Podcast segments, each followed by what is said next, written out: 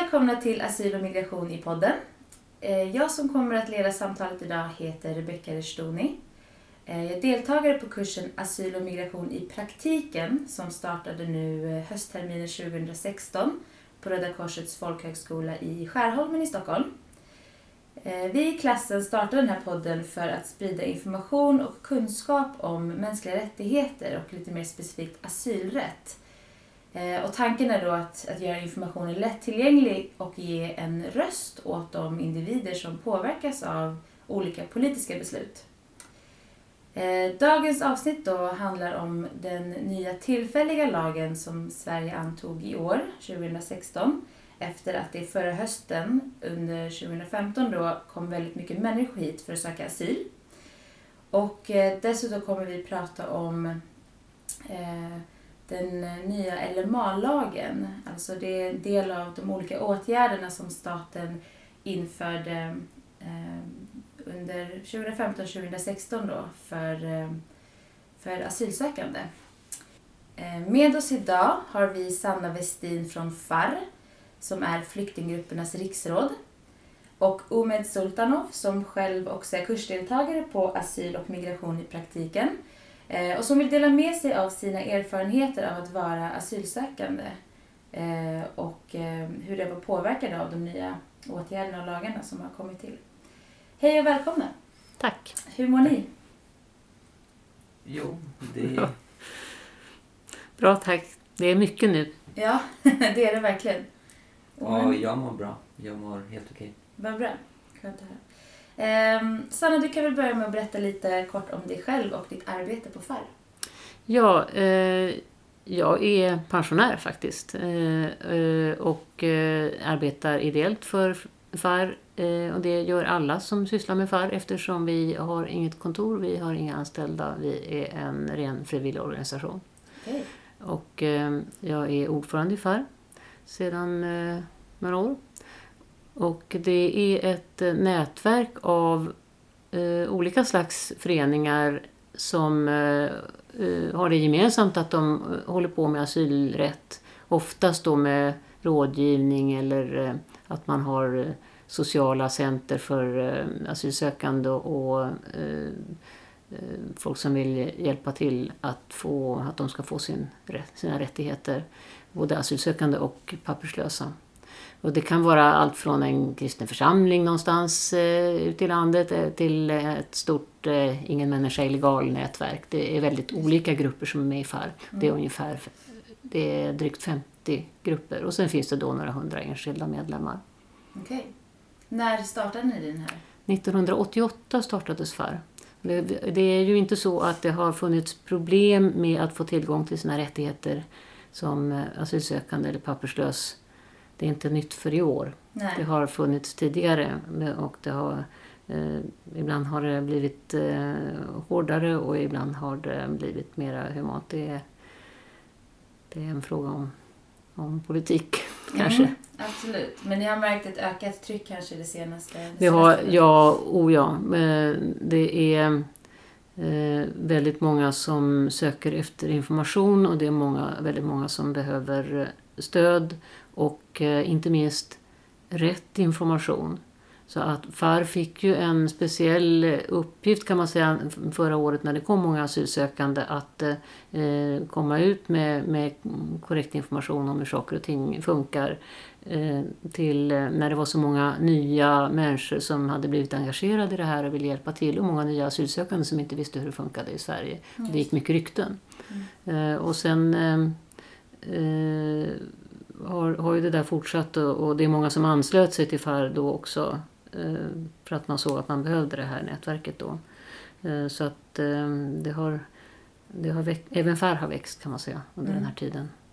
Och, eh, och, och, nu blir det det blir allt eftersom olika saker som vi engagerar oss i och, och försöker informera om. Som, eh, eh, om det kommer ny praxis som, som om utvisningar till ett visst land eller om, om det blir nya regler för ensamkommande barn eller någonting sånt där så, så försöker vi ta reda på vad, vad, är, det, vad är det som gäller nu, vilka, vilka drabbas, eh, vad behöver man veta, hur kan man ta tag i sin situation. Mm.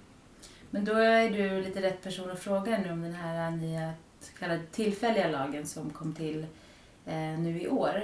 Eller det började pratas om förra året Mm. efter de här efter att det kom så himla mycket människor under hösten och sökte asyl. Eh, du kan väl berätta vad den här nya tillfälliga lagen innebär? Mm. Eh, först kan jag säga att den går ut på en enda sak och det är att få färre asylsökande att komma till Sverige. Mm. Så den, den är till för att vara avskräckande. Det låter ju som om jag överdrev nu här, men det är faktiskt precis det som står i eh, förslaget om lagen eh, och, och som, eh, som regeringen ville och som regeringen också försvarade lagen med mot all kritik. Eh, så att när, när olika organisationer och myndigheter och domstolar och allt vad det nu var som kritiserade lagen sa att ja, men det kommer att drabba den och den gruppen, det kommer att innebära det och det, det är väldigt illa för dem och de som drabbas. Så svarade regeringen att ja, så är det, men vi måste göra det här för vi vill minska antalet asylsökande. Det är det lagen går ut på. det Bra var de att veta tydliga det. med. De var väldigt tydliga Mm. med det. Eh, och vad det handlar om är ju för det första då att eh, eh, man bara ska kunna få tidsbegränsade uppehållstillstånd. Och för, eh, även om man då får stanna för att ens skyddsskäl erkänns, att man har behov av skydd, säga att man inte kan åka tillbaka till sitt hemland, så ska man inte får stanna permanent utan man ska ha ett tillfälligt eller tidsbegränsat tillstånd. Och det finns lite olika längd på det där tillståndet och sådär, men det, det är huvudprincipen. Eh, och eh, eh, med det här följer då också att eh, för ganska många som får korta tillstånd då, omkring ett år, så tillåts inte familjeåterförening. Det vill säga att de där man, med barnen eller hustrun var, eh, som man har lämnat efter sig kanske i transitland, i flyktingläger eller i hemlandet, där det förstås är lika farligt för dem.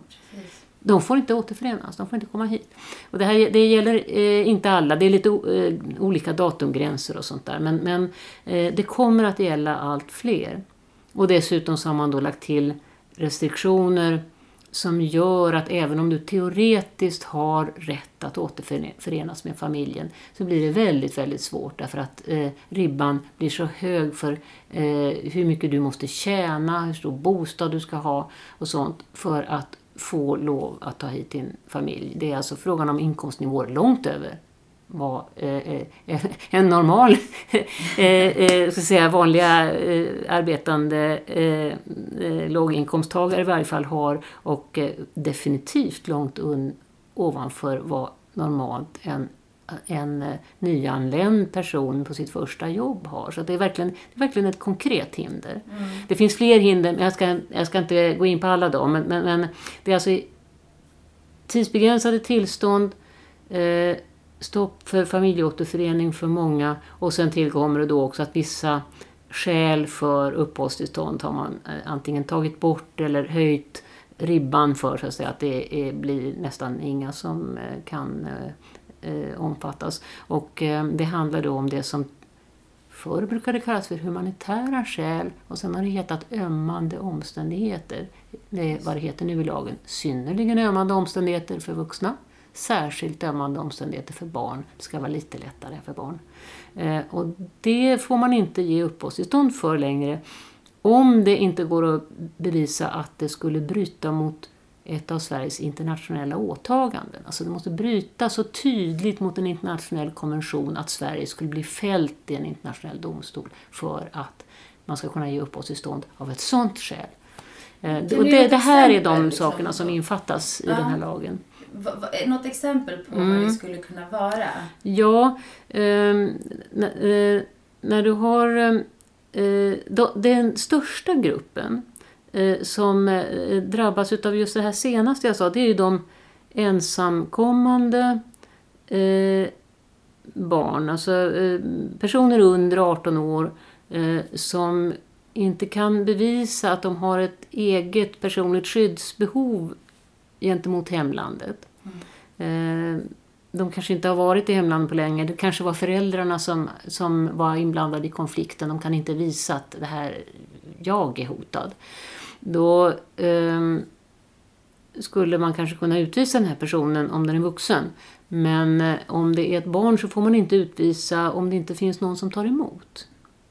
Just Och det är en det var en särskilt ömmande omständighet. Mm. Och eh, nu eh, så eh, då blir det istället så att de här barnen som är i den situationen de får istället ett tidsbegränsat tillstånd på grund utav att utvisningen inte går att verkställa. Så det, det, det, det, låter kanske inte som det är så stor skillnad men det innebär ju att du ska utvisas när du blir 18. Eh, och sedan eh, finns det det är sådana här situationer som att eh, föräldrarna kan inte ta hand om sitt barn av något skäl. Eh, barnet hamnar i familjehem i Sverige. Det har tidigare kunnat vara någonting som har gjort att man eh, inte har tyckt att nej, men vi kan inte utvisa den här familjen, det blir, det blir en orimlig situation. Eh, och det handlar ju också om svårt sjuka och handikappade personer. Men vad, vad, det här egentligen kommer att leda till det är lite oklart. Det är helt uppenbart att regeringen vill att eh, det här ska nästan inte användas. Det var liksom avsikten. Men när eh, eh just när det gäller den här punkten så säger ju en del advokater att eh, det har vi inte sett ännu om det verkligen blir så eftersom ribban låg så högt redan att det faktiskt skulle bryta mot en internationell konvention, ah, till exempel barnkonventionen eller Europakonventionen för mänskliga rättigheter, att utvisa personer i den situation som skulle kunna få uppehållstillstånd av de här skälen. Och, eh, så att eh, eh, det kanske inte blir så stor skillnad, men det är, det är, det är en väldig press på familjer, på vårdpersonal, på skolpersonal och alla som möter de mest traumatiserade och de eh, mest utsatta. Att Sverige inte säger att de ska vi skydda särskilt utan tvärtom. Att Sverige säger att, att eh, de här ska vi absolut inte skydda om, om, om vi inte skulle bli fällda i en internationell dom, domstol om vi utvisade dem. Precis. Så att det, det är ju lite grann en fråga om, allt det här är ju lite en fråga om signalpolitik. Vanligen när man pratar om signalpolitik, ni gör det här bara för att eh, ge, skicka en signal. Liksom. Det handlar egentligen inte om dem ni, som drabbas utan det handlar om att skicka en signal till andra. I det här fallet så är inte det bara ett skällsord så att säga. Utan i det här fallet så är det ju faktiskt, det är en enda stor signalpolitik. Det handlar om att avskräcka. Man vill inte att folk ska komma hit helt Nej, man vill inte att folk ska komma hit och då ska det bli känt hur, hur förfärligt det är. Eh, och om den här då ändringen kanske inte drabbar så många som det, eh, eh, eftersom det redan var ganska hårt, så eh, ger det ändå en väldigt stark signal. Eh, så att, För det, du sa det här med, med, med traumatiserade personer, eh, oftast de som kommer hit eh, som söker asyl söker ju skydd för ja. någonting. Ja, precis. Eh, och om det är så att du har turen att få även då ett tillfälligt eh, uppehållstillstånd så har du som du nämnde då, du har väldigt mycket krav på dig att under en väldigt kort period, ungefär 13 månader då i vanliga mm. fall, så behöver du uppnå väldigt många kriterier. Visst stämmer det? Du ska lära dig språket och du ska Ja, ha... eh, så här, alltså det som har kom, uppfattas som att eh, man har eh, en, en hög ribba att komma över under, på den här tiden, det är ju att enda möjligheten som den här lagen eh, nu erbjuder för att kunna få ett permanent tillstånd eh, för en vuxen person, det är att eh, eh du får ett arbete. Så att när de här 13 månaderna har gått, om du då kan försörja dig på ett eget arbete, Eh, kan vara en firma du har startat, men normalt är det kanske att man har fått en anställning. Eh, då kan du få permanent tillstånd och eh, då får du också rätt till familjeåterförening om du inte hade det med de reglerna som gäller ditt tillfälliga tillstånd. Så att det här blir ju då det hägrande målet. Och det är ju ganska cyniskt, man tycker ju att permanent uppehållstillstånd skulle i en asylprocedur handla om de som har störst behov av skydd. Mm. Men här handlar det alltså om, helt krasst om anställningsbarhet. Mm. Eh, och eh, det är ju, du säger, som du säger, 13 månader är inte särskilt lång tid. Eh, asylsökande har ingen rätt att eh, gå på eh, svenskundervisning under Eh, asyltiden. Det är helt avhängigt av var man råkar bo, om det råkar finnas frivilligorganisationer, om man kommer åt det på, no på något vis. Men den, den svenskundervisning du har rätt till eh, av kommunen, den får du inte förrän du har ett uppehållstillstånd. Så att eh, du har ju hela språkbarriären och sen att försöka komma ut på arbetsmarknaden. Just det, och för att få ett tillstånd, så, eller för att få arbete så måste du ju kunna helst prata svenska. Ja, precis. svenska får du inte tillgång till förrän Nej, du har fått Nej, tillstånd. det är det, det, är det här som, som gör det eh, eh, svårare än det kanske ser ut på pappret. När Morgan Johansson som är migrationsminister frå, tillfrågas om det här då brukar han ju svara att ja, men det, är en, det är en bra arbetsmarknad nu, det, det är inga problem att få jobb. Mm. Och, och det, det låter sig ju sägas men det är ju också så att de asylsökande placeras ju inte där jobben finns utan där bostäderna finns. Och det är inte riktigt samma sak. Precis.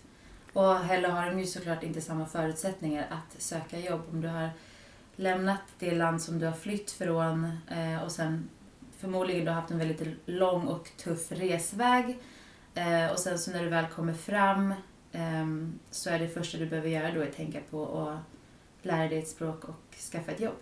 Eh, Ja, och under tiden så lever du alltså med detta eh, i många fall att eh, du får inte, du vet inte om du kan rädda din familj. Och det här är ju också väldigt, eh, eh, det är väldigt, även om man vet då att eh, det jag kan göra för att återförenas med min familj är att eh, plugga utav bara den och eh, eh jaga ett jobb och, och, och lyckas med det. Så är inte det så lätt när man, när man tänker på eh, hur, hur det är för familjen och om man misslyckas. Mm. Vilken press. Ja, Mm. Men det är... Ja, förlåt, du tänkte... nej, det här, det, alltså det här, det här är väl eh, lite grann kontentan utav den eh, tillfälliga lagen. Mm. Varför säger man att den är tillfällig? Jo, eh, därför att den är det. Den, den är rent uttryckligen, lagen är skriven så att den upphör att gälla om inget annat sker, om inte riksdagen bestämmer någonting annat. Den gäller i tre år, från den 20 juli 2016 till den 19 juli 2019. Och, och rent teoretiskt ska då eh, eh, det här eh, vanliga ordinarie utlänningslagen gälla då Eh, från och med 19 juli 2019. Nu är det ju ingen som vet hur det blir med den saken eftersom nu, nu tävlar ju partierna fortfarande om att vara så eh, vad ska jag säga, flyktingovänliga som, eller eh, ja, eh, så restriktiva eh, som möjligt. Eh, och eh, det är ju flera partier som eh, redan har sagt eh, ganska omgående efter att lagen hade kommit till att eh, eh, nej men vi kommer aldrig gå tillbaka till det gamla. Eh, medan andra krafter då, kanske utanför riksdagen, som till exempel eh, kyrkorna gick ju ut i ett upprop eh, i, i, idag eh, som är den eh, 14 december och eh, meddelade att de vill att vi ska återgå och avskaffa den här tillfälliga lagen tidigare eller åtminstone justera de här sakerna särskilt, de tänker då särskilt på familjeåterföreningen. Men var det ett enhälligt beslut från... Hela lagen antogs av eh, en stor majoritet, majori- en stor majoritet i riksdagen ska jag säga. Eh, men inte Centerpartiet och Vänsterpartiet, de var emot. Eh, sen hade det varit omröstningar innan man kom till helheten eh, där eh, Liberalerna och Kristdemokraterna hade röstat emot delar utav lagen. Och det som man då framförallt har varit emot har ju varit eh, familj, familjeåterföreningsreglerna och eh, det som drabbar barn då, och att även barn ska ha eh, tidsbegränsade tillstånd. Eh, och det här är ju sånt som även väldigt, väldigt många av remissinstanserna var eh, emot. Mm. Men ehm, eh, det fanns ingen majoritet i riksdagen för att eh, ändra någonting utav det här utan eh, det hela gick igenom. Men för mig FAR skrev väl också några remissvar? Ja, det gjorde vi. Vad, Ja. vad innehöll det? Oj, det var väldigt mycket ska jag säga. Det, det. kan jag tänka mig. Ja, för att det, det, är, det är ju så mycket med den här eh, lagen. Det, det är ju inte bara hur den drabbar eh, Eh, skyddsbehövande, hur den drabbar barn, hur den drabbar eh, skadade och traumatiserade och allt det här. Utan det, eh, det är ju också... Man kan ju ha synpunkter på hela idén att avskräcka människor på det här viset. Regeringen anser då att eh, det ska eh, göra så att andra eh, länder tar emot, i Europa tar emot fler flyktingar. Och det där trodde inte vi alls på utan vi trodde att det skulle bli en del i ett race to the bottom som man säger. Att, mm. att eh, länder inför allt mer restriktiva lagar och man strävar efter att bli värst i allihop. Och det är precis det som har inträffat. Eh, så att det har inte blivit bättre för flyktingarna genom att de skulle spridas ut i Europa som, som regeringen påstår att de menade i alla fall. Eh, och det skrev vi alltså från början. Dessutom så eh, skadar det ju hela integrationen. Man sa ju att det, det hotade eh, Sverige, att eh, vi klarar inte av det här och, och, vi kan inte integrera så många. Men nu med det här systemet så eh, saboteras ju integrationen, verkligen.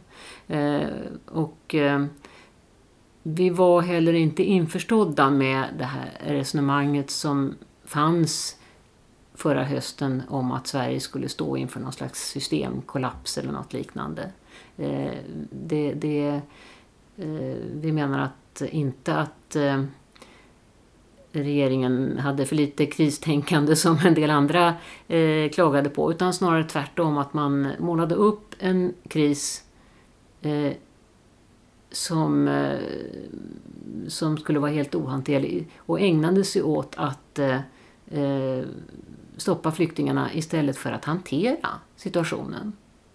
Och mycket av krisen eh, skapades ju genom att eh, eh man införde ID-kontroller och gränskontroller som, eh, jag ska inte blanda ihop det här, man införde gränskontroller och bestämde att alla asylsökande skulle söka asyl på en enda plats i Sverige. Och detta gjorde man vid en tidpunkt där det var fler asylsökande än någonsin. Och det gick ju inte.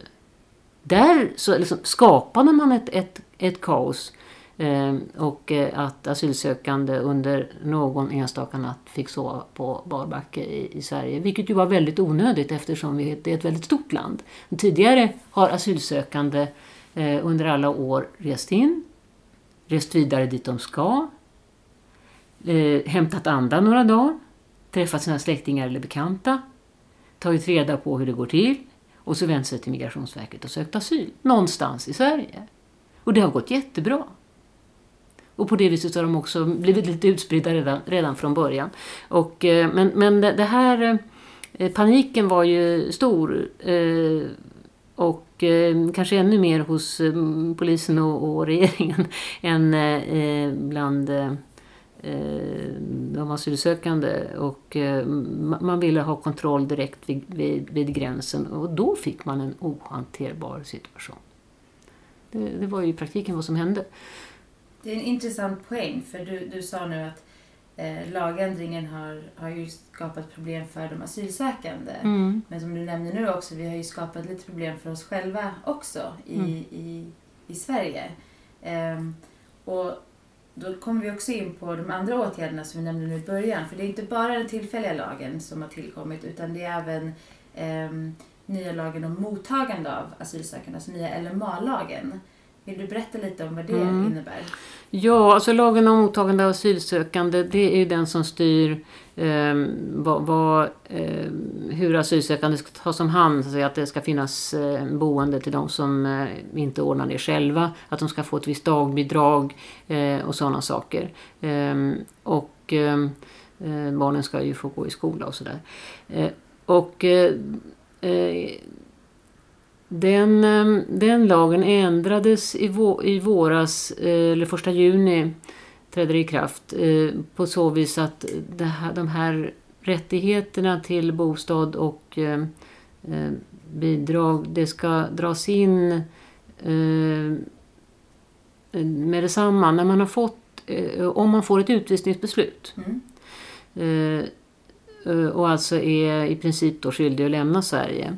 Man får ett par veckor på sig eh, när man har fått ett sista besked från har försökt överklaga kanske men så går det inte att överklaga längre. Man kommer till ett slut och då så får man ett par veckor på sig och sen så ska man lämna landet. Och, eh, om man då inte mm, gör det eh, då har man tidigare, eh, om man eh, liksom lever, eh, man har kontakt med Migrationsverket, man, man, eh, eh, man har inte gömt sig eller någonting sånt. Man samarbetar ja, man, liksom. Mm. ja, eller man, man, eh, då har man kunnat bo kvar på boendet och man har kunnat få det här dagbidraget fortfarande. Men det är det som har tagits bort. Och då ska man alltså ha klart för sig att detta drabbar ju alltså inte de som håller sig undan.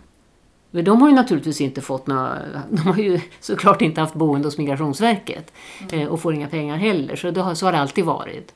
Eh, och, det är ju, men det finns många bland i den gruppen som har problem också därför att de faktiskt inte eh, håller med om att det är riskfritt att återvända till hemlandet som det utvisningsbeslutet betyder. Men de som drabbas av den här lagändringen det är ju de som eh, av någon anledning kan inte beslutet verkställas utvisningsbeslutet. Eh, och, och då har man eh, tidigare kunnat eh, ja, leva vidare som en asylsökande och det är det som inte går längre. Och, det alltså, och varför, varför kan man inte återvända hem? Det har ju liksom kanske Ja, det, är väl, det, är en, finns ju en hel skala utav eh, situationer. Eh, och eh, det som blir mest knepigt det är ju att eh, när, när, eh, rent praktiskt det är ju när hemlandet inte vill ta emot den här personen. Eller det land som Migrationsverket har, har, och domstolen har, har konstaterat är hemlandet. Och det, det, då... Det är ganska komplicerat och svårt att bevisa att det inte går att verkställa.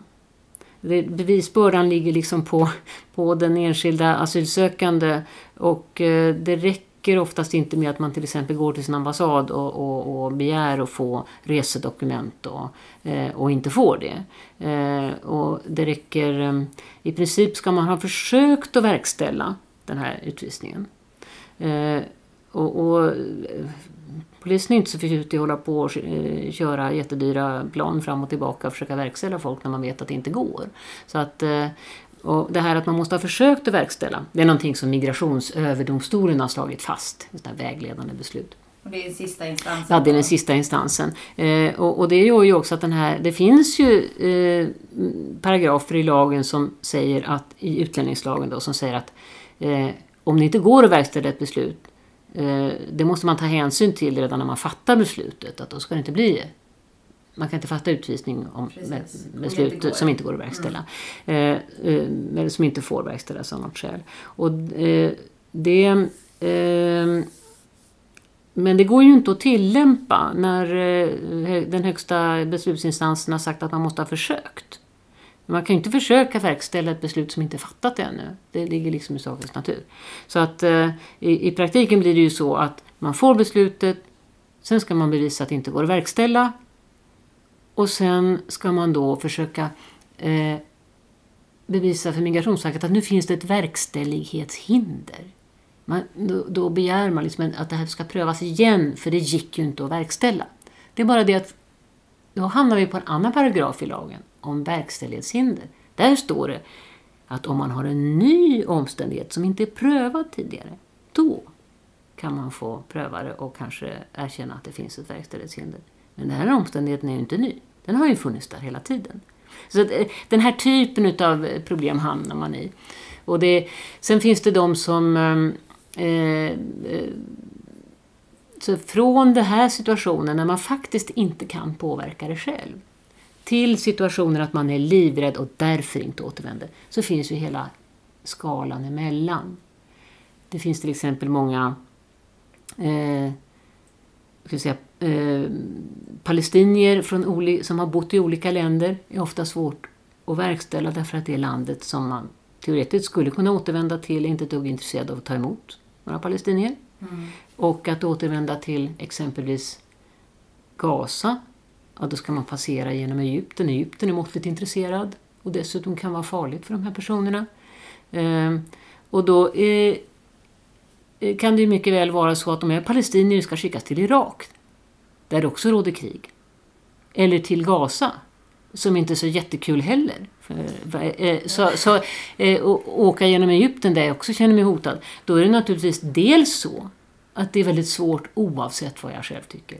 Samtidigt så eh, har jag ingen lust att skriva på något till exempel något papper till Egypten, egyptiska ambassaden och sånt där om att jag, jag vill jättegärna återvända. Jag har varit asylsökande i Sverige men, men eh, det finns ingen som hotar mig. Alltså, det blir ju väldigt, väldigt, väldigt eh, ja det blir väldigt komplicerat och eh, på sätt och vis så blir det ju så att människor som egentligen själva känner sig hotade även om de då teoretiskt skulle gå med på att återvända för det finns ingen annan väg tvingas liksom att eh, deklarera att eh, jag är inte hotad och, jag vill gärna återvända. Och, så att eh,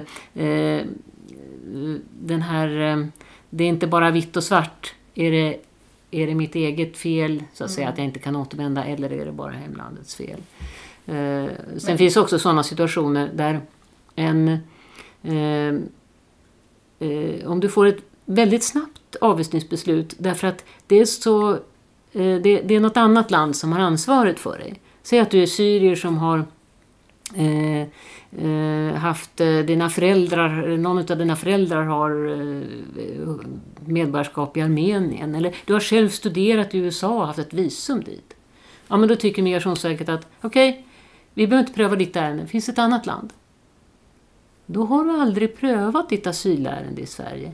Och då kan du inte heller eh, komma tillbaka och begära en ny prövning enligt paragrafen om verkställighetshinder. För det är så lurigt att den kan man bara tillämpa om man redan har gjort en första prövning. Alltså det är sådana här ganska knepiga situationer som är mm. svåra att förklara och som är, är, egentligen bygger på luckor i lagen som gör att folk hamnar i limbo.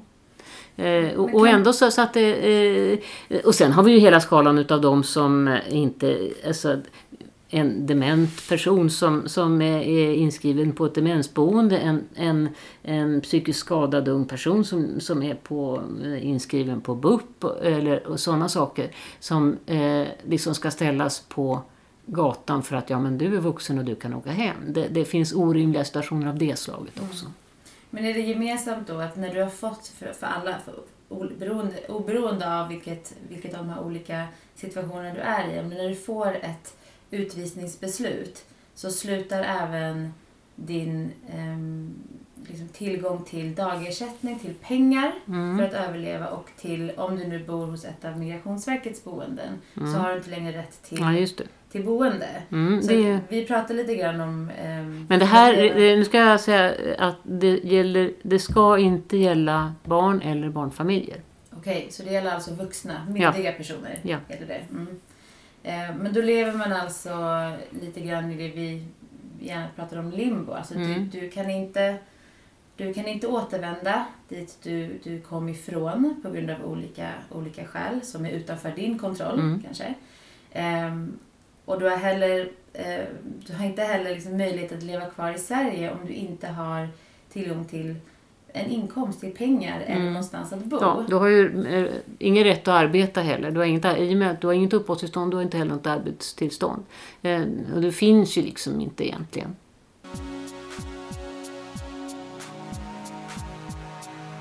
Det här jag skulle vilja eh, höra från dig Omet, för mm. att du har då eh, levt i det här som ja, limbo, man, man liksom inte vet vilken väg man ska gå. Eh, du kan väl börja med att berätta kort om dig själv? Ja, Omet Sultanov heter jag då och är 23 år och har bott i Sverige sedan 2011. Eh, sen 2012 så eh, fick jag liksom utvisningsbeslut som inte har kunnat verkställas till Tadzjikistan där jag kommer ifrån. Eh, skälet till att det inte gick verkställa det på grund av att Tadzjikistan inte vill ta emot mig då, inte erkänner mig som tadzjikisk medborgare. Eh, och då är det så att jag har varit i kontakt med Tadiks ambassad för att eh, skaffa ett eh, resedokument för att kunna återvända. Men det har ju inte liksom lyckats. Och eh, vad jag än har försökt göra så har in, ingenting har hjälpt. Och så har jag då hamnat i en så kallad limbo, eller moment 22, så att säga. Jag kan inte jag får inte vistas i Sverige och eh, alltså jag måste då eh, lämna Sverige eh, rent juridiskt och så får jag inte heller liksom eh, lämna landet på grund av att Tadzjikistan inte tar emot mig. Så då var det så att jag lever eh, i en situation, eller jag befinner mig i en situation där jag, jag vet inte vad jag ska göra. Alltså, allt jag gör hjälper inte liksom. Och vad, vad säger myndigheterna? För du har väl varit i kontakt med Migrationsverket eh, och andra, andra myndigheter också. Vad får du för svar när du liksom säger att du... Migrationsverket är ju väldigt tydliga med att du ska lämna landet. Eh, och det har jag försökt. Jag, jag har ju inte liksom, jag trivs ju inte med att leva så här som jag har levt och då har jag gjort allt vad jag kunnat göra för att kunna återvända. Eh, men sen, det har inte gått och då bedömer Migrationsverket att jag inte har samarbetat. Och när jag då frågar vad, vad menar ni med samarbeta, då är det att skaffa fram ett eh, resedokument. Va? Eh, ja, och om jag inte... Jag, jag gör ju allt jag kan göra men, men jag lyckas ändå inte det. Eh, nej, men då ska vi liksom över, eh, överlämna ärendet till polisen som har då större makt för att kunna verkställa ärendet. Eh, och så försöker polisen också eh, att eller polisen tydligt sa att utifrån eh, vår erfarenhet så vet vi att Tadzjikistan eh, det är ett land som inte vill ta emot sina medborgare som har lämnat landet, som har sökt asyl i andra länder då och, eh, och jätteovillig för att ta emot sina medborgare. Liksom. Ehm, och då har då mitt ärende hamnat i ett fack eh, som heter då overkställighetsbara ärenden. Så går alltså inte att genomföra? Nej, precis. Och då frågar jag eh, polisen, ja men om ni inte kan verkställa det här ärendet, då är det liksom, då är det ett praktiskt verkställighetshinder. Då måste ju få uppehållstillstånd på grund av praktiska, alltså på grund av praktiskt verkställighetshinder. Eh, och då säger de nej, eh, vi kan inte skicka ärendet tillbaka till Migrationsverket för att det måste eh, ligga här då hos oss till ärendet preskriberas. Och då är det liksom efter att beslutet vinner laga kraft så då är det liksom fyra år innan man kan ansöka om asyl på nytt. Är det, är det, bara för att förtydliga, fyra år från det datumet som du sökte asyl från första början? Nej, eh, fyra år från och med den dag du har fått ditt eh, utvisningsbeslut eller att ditt eh, eller att Migrationsverket eller eh, Migrationsdomstolens beslut eh, har vunnit laga kraft och alltså det inte går längre att överklaga. Mm. Ehm, ja. Och så då frågar jag, vad ska jag göra liksom? Jag kan inte utvisas och jag får inte heller liksom... Jag har inte rätt till att arbeta, jag har inte rätt till att um, studera till exempel. Berätta, berätta för mig, vad ska jag göra? Ja, men du, liksom, du får vara i landet Eh, men eh, vi kan inte hjälpa med, eh, med någonting, så säger de.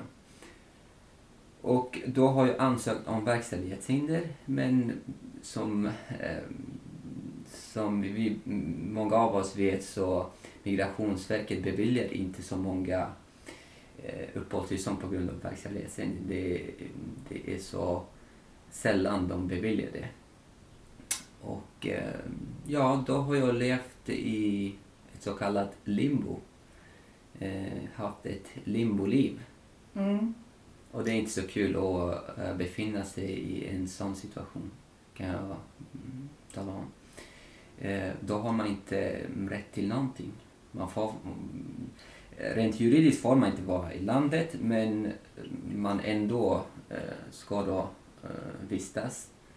Eh, och man har inte rätt till arbete för att kunna försörja sig själv. Eh, man har inte rätt till eh, studier. Men sen så kan jag påpeka att jag har hela tiden studerat för att det finns där ute skolor som är eh, vänliga, som är generösa, som är eh, eh som ger möjligheten för människor som vill studera att studera. Så det är, det är otroligt. Det har, det har betytt för mig väldigt, väldigt mycket. Mm. Så vad, vad gör du nu då? Vad är Ja. nästa steg om du, när du har fått alla de här beskeden? Nu har jag för en, för en månad sedan ungefär så har jag ansökt om asyl på nytt. Och, eh, och då är det så, även nu så finns ingen garanti att jag kommer då få uppehållstillstånd. Och nu har man också för, försvarat, rätt, eller försvarat möjligheterna för att få uppehållstillstånd. Så jag vet inte, jag får se hur, hur asyl, mm, den här nya asylprocessen utvecklar sig så får vi se. Mm. Men det, det har varit jobbigt. Det har varit jobbigt på många olika sätt. Mm. Eh, Den, alltså, jag har ju skadats rent eh, psykiskt. Mm, men tack vare mina, mina vänner, mina bekanta som, jag, som har fått lära känna mig, som jag fick lära känna, de har jag kunnat liksom klara mig. Eh, men att leva i limbo, det är att eh, eh, det är att leva i ovisshet. Du vet inte vad som kommer att hända. Du vet inte hur din nästa dag kommer att se ut. Så man lever för dagen. Man hoppas um, att, att människor runt omkring dig förstår din situation och på något sätt kan kanske bidra med och hjälpa med jag vet inte, det kan vara bostad, det kan vara eh, med lite pengar som man kan eh, köpa mat och äta och så vidare. Mm. Vi Det har ska- varit tufft. Ja, det, det är väldigt svårt att, att sätta sig in i hur ett liv ser ut när man, när man lever så här. Eh, Sanna, det kan inte vara... Omid kan inte vara ensam om att, att ha det på det här sättet. Nej, det, det finns ju ganska många och det, eh, jag har ingen exakt siffra. Nej. Eh, utan vi, vi ser ju bara att det är många som drabbas av det här. Eh, men det är så, eftersom det är så många olika orsaker. Men, men eh, jag hör ju att Omid beskriver precis det som jag eh, känner till det och, och försökte förklara.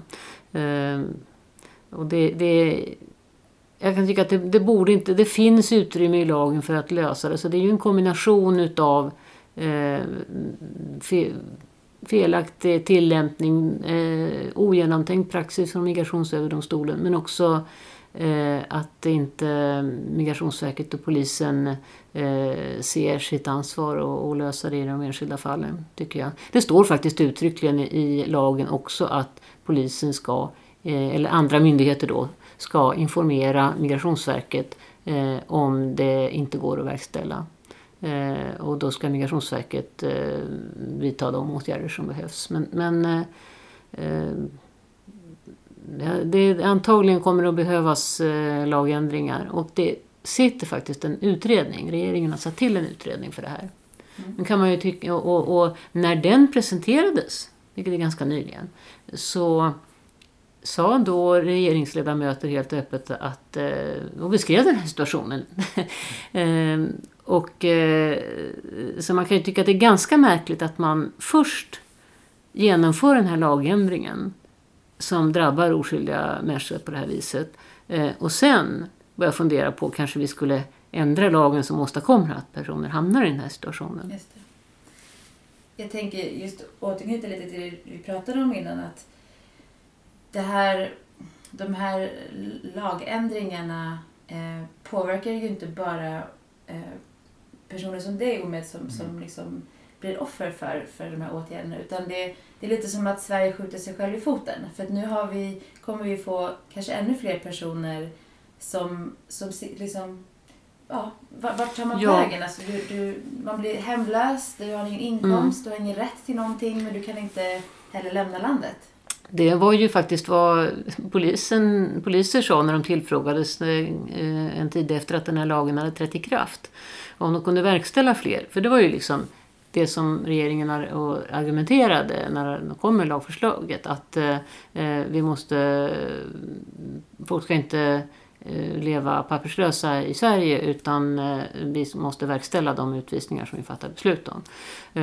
Och, men vad som händer här är ju att en massa människor som myndigheterna hade kontakt med och som bodde på Migrationsverkets boenden eh, inte, eh, ja, inte får vara kvar där och eh, det är naturligtvis många som, som eh, försvinner från myndigheternas perspektiv.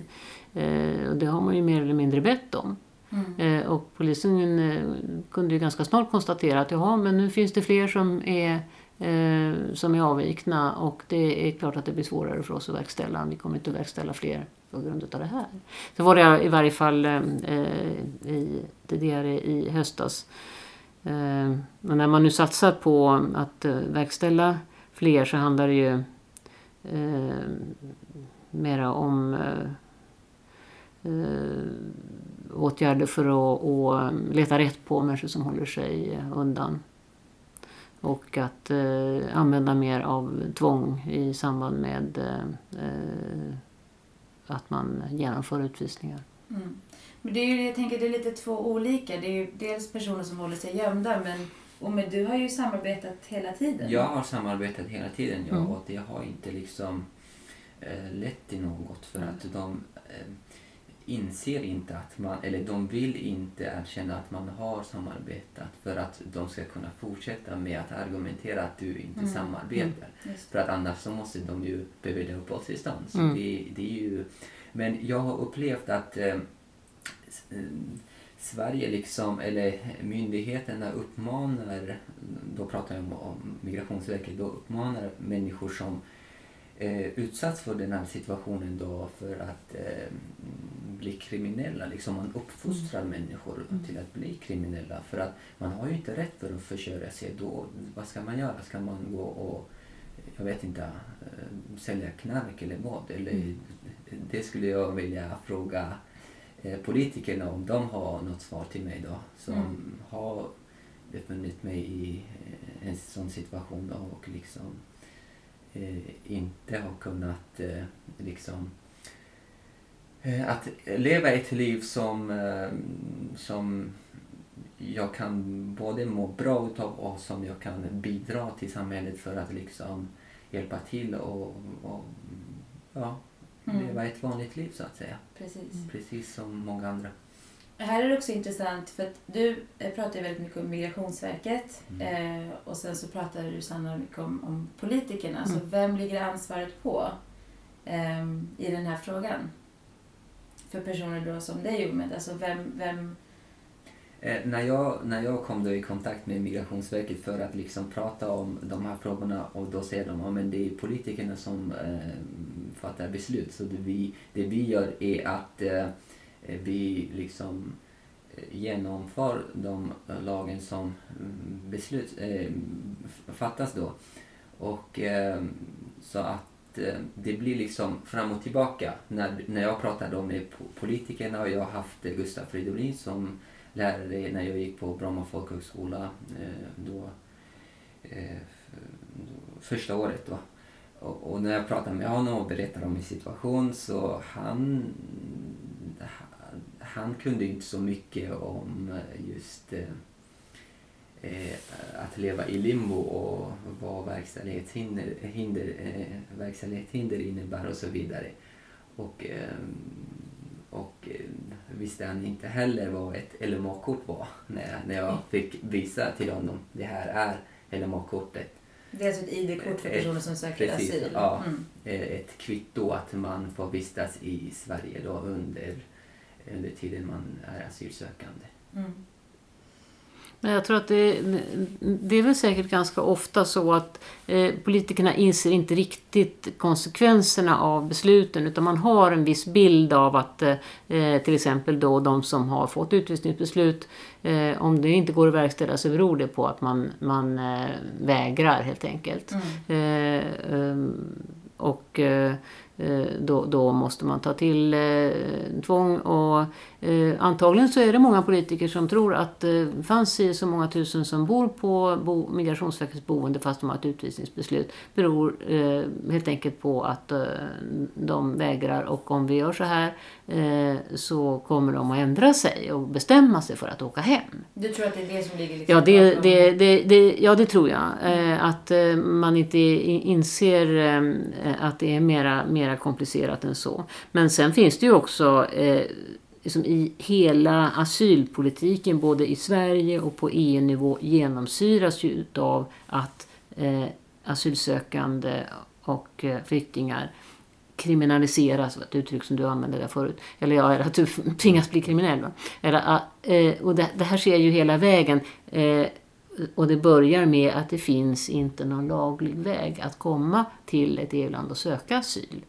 Eh, eftersom man inte kan få visum för det. Eh, eh, och inte utan att fuska och försöka få ett visum av någon annat skäl då förstås. Mm. Så att på, på, ett eller annat sätt måste du antingen trixa, fixa för att få ett visum eller kanske ett falskt pass eller ett lookalike pass eller någonting. Eller eh, använda dig av smugglare. Och då är du liksom redan eh, illegal från början så att säga. Och mycket av asylproceduren handlar om att det handlar om resvägar, det handlar om ID-handlingar, det handlar om, om eh, eh, språkkontroller och, och, kunskapskontroller och vilka är dina fastrar och mostrar. Allt möjligt liksom för att eh, eh ringa in. Skulle du ha sökt asyl någon annanstans? Är du verkligen den du säger? Kommer du verkligen från det landet? Eh, eh, och varför reste du på det här och det här sättet? Eh, så att eh, eh, Förutom då den effekten det har på vanligt folk som får höra sånt där. Ja, 95% kommer utan ID-handlingar eller alla har, så, är det så många procent har smugglats in och så vidare. Och man får ju liksom in intrycket att det här är en liksom massa rufflare och bedragare som kommer. Eh, terrorister. Ja, terrorister. precis. Eh, eh, men det finns ju ingen laglig väg. Och, och så länge man inte... Det förgiftar asylproceduren. Mm. Och, och genom de regler som nu finns inom EU med att det, det, det, land man då fått visum till eller klivit i land på eller någonting sånt, det första land som släppt in en liksom ska vara ansvarigt. Man får inte söka asyl någon annanstans. Då blir även resvägar inom EU illegala och, och förstärks av det här. Men sen, sen kommer då det ena efter det andra och, och uh, omöjliga hinder för uh, asylsökande och även för de som har fått uppehållstillstånd. Som, alltså, hur många bor inte i, i, i ett fuskboende inskrivna hos någon för att kunna få lä börja läsa svenska eller något sånt där. Alltså man, man skolas verkligen in i eh, en illegal situation. Antingen man är asylsökande eller, eh, eller har fått uppehållstillstånd eller är papperslös som, som omid. Ja. Eh, eh, så att eh, det, det känns ju lite också som att även om man då eh, når upp till de här väldigt, väldigt, väldigt höga liksom, kraven och förväntningarna som finns när du kommer som asylsökande. Eh, du ska ha språk och du ska studera och allt det här. Liksom. Även om man har det, för att oh, du pratar ju nästan perfekt svenska för någon som har varit här väldigt, väldigt liksom, kort tid. Eh, du, du samarbetar, du gör liksom allt det du ska, du går i skolan trots allt det här. Eh, men du tjänar ju ändå ingenting på det. Så man tjänar nästan ingenting på att liksom följa reglerna heller, känns det mm. som. Mm. Man är verkligen fast i någon slags... Mm. mm. Nu ska jag säga att jag som eh, eh, aktivist och med i flyktingrörelsen, och, eh, jag träffar ju min syn på saken är alltid en orättvis betraktelse. För jag träffar de som får avslag och jag träffar de som, som eh, drabbas värst på olika sätt. Det är de som vänder sig till frivilligorganisationer, mm. eller Så att, eh, ehm, eh, och det är naturligtvis så att det finns människor som får skydd i Sverige och som eh, känner att de är välkomna och som, som eh, eh får det hela att funka. Men, men, eh, och att eh, Sverige då i jämförelse med andra länder eh, kan vara bra på många sätt eh, när det gäller tillgång till, till skola och vård och, och att eh, det ska finnas ett, ett mottagande, ett boende och allt möjligt för asylsökande.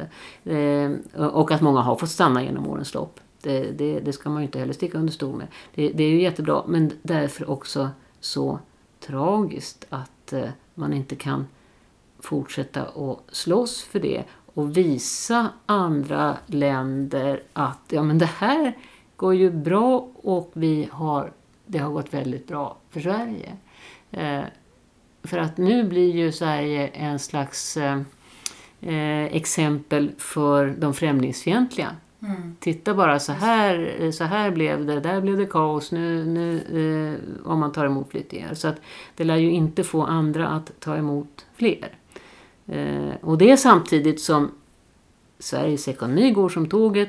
Tillväxten är fantastisk och det hänger ihop med eh, stora antalet asylsökande förra året. Och eh, som alla ekonomerna säger med, med en mun att eh, ja, det är klart att det eh, frestar på den aktuella budgeten att ta emot många asylsökande på en gång. Men eh, i det långa loppet eh, så är det ju de, eh, de här länderna som har stor invandring och omsättning som, som går ut som vinnare. Mm. Jag vill gärna fortsätta på det spåret. Vi måste avsluta snart. Men, men det här är ju väldigt tungt och väldigt jobbigt. Eh, det, det, du sa om ekonomerna, det kanske inte är jättepositivt. Men, men jag vill ändå gå in på det spåret. Alltså att det, kan man, vad kan man göra? Kan man göra någonting för att göra det, eh, för att göra det bättre, för att förändra? Eh, vad kan liksom privatpersoner, civilsamhället göra för att ehm, trycka på för lagändring eller för att ehm, liksom underlätta eller stötta personer som, som lever i det här limbot som du gör, Ahmed. Ehm, du kan väl börja? Ehm, ja, alltså det, det gäller ju liksom se på människan och människor eh, och se på den verkligheten som de har till exempel flytt ifrån och eh, den verkligheten de lever i. Och då tror jag att man måste liksom ha den här förmågan att sätta in sig i andras situation och försöka förstå, okej okay, hur är det för den här personen att leva så här som han lever nu eller att liksom tvingas att fly för sitt liv och, och så vidare. Ehm, att ha mer förståelse för, ehm, eh, för vad kan en lagändring kan leda till och, men också vara öppen för att ta emot kritik för att det är jättemånga frivilliga organisationer som har påpekat att just den här nya lagen kommer att eh, ge väldigt negativa konsekvenser och det är mycket, mycket skrämmande. Men man har blundat för det. Mm.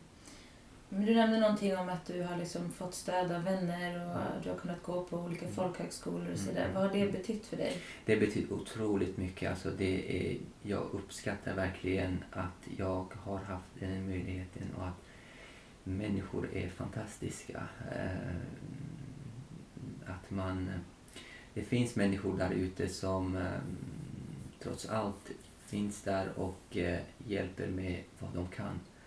Och det värmer hjärtat på mig. Så varför, för de som då eh, kanske funderar på hur de kan hjälpa till eller funderar på om de vill engagera sig, vad, vad, vad vill du säga till dem?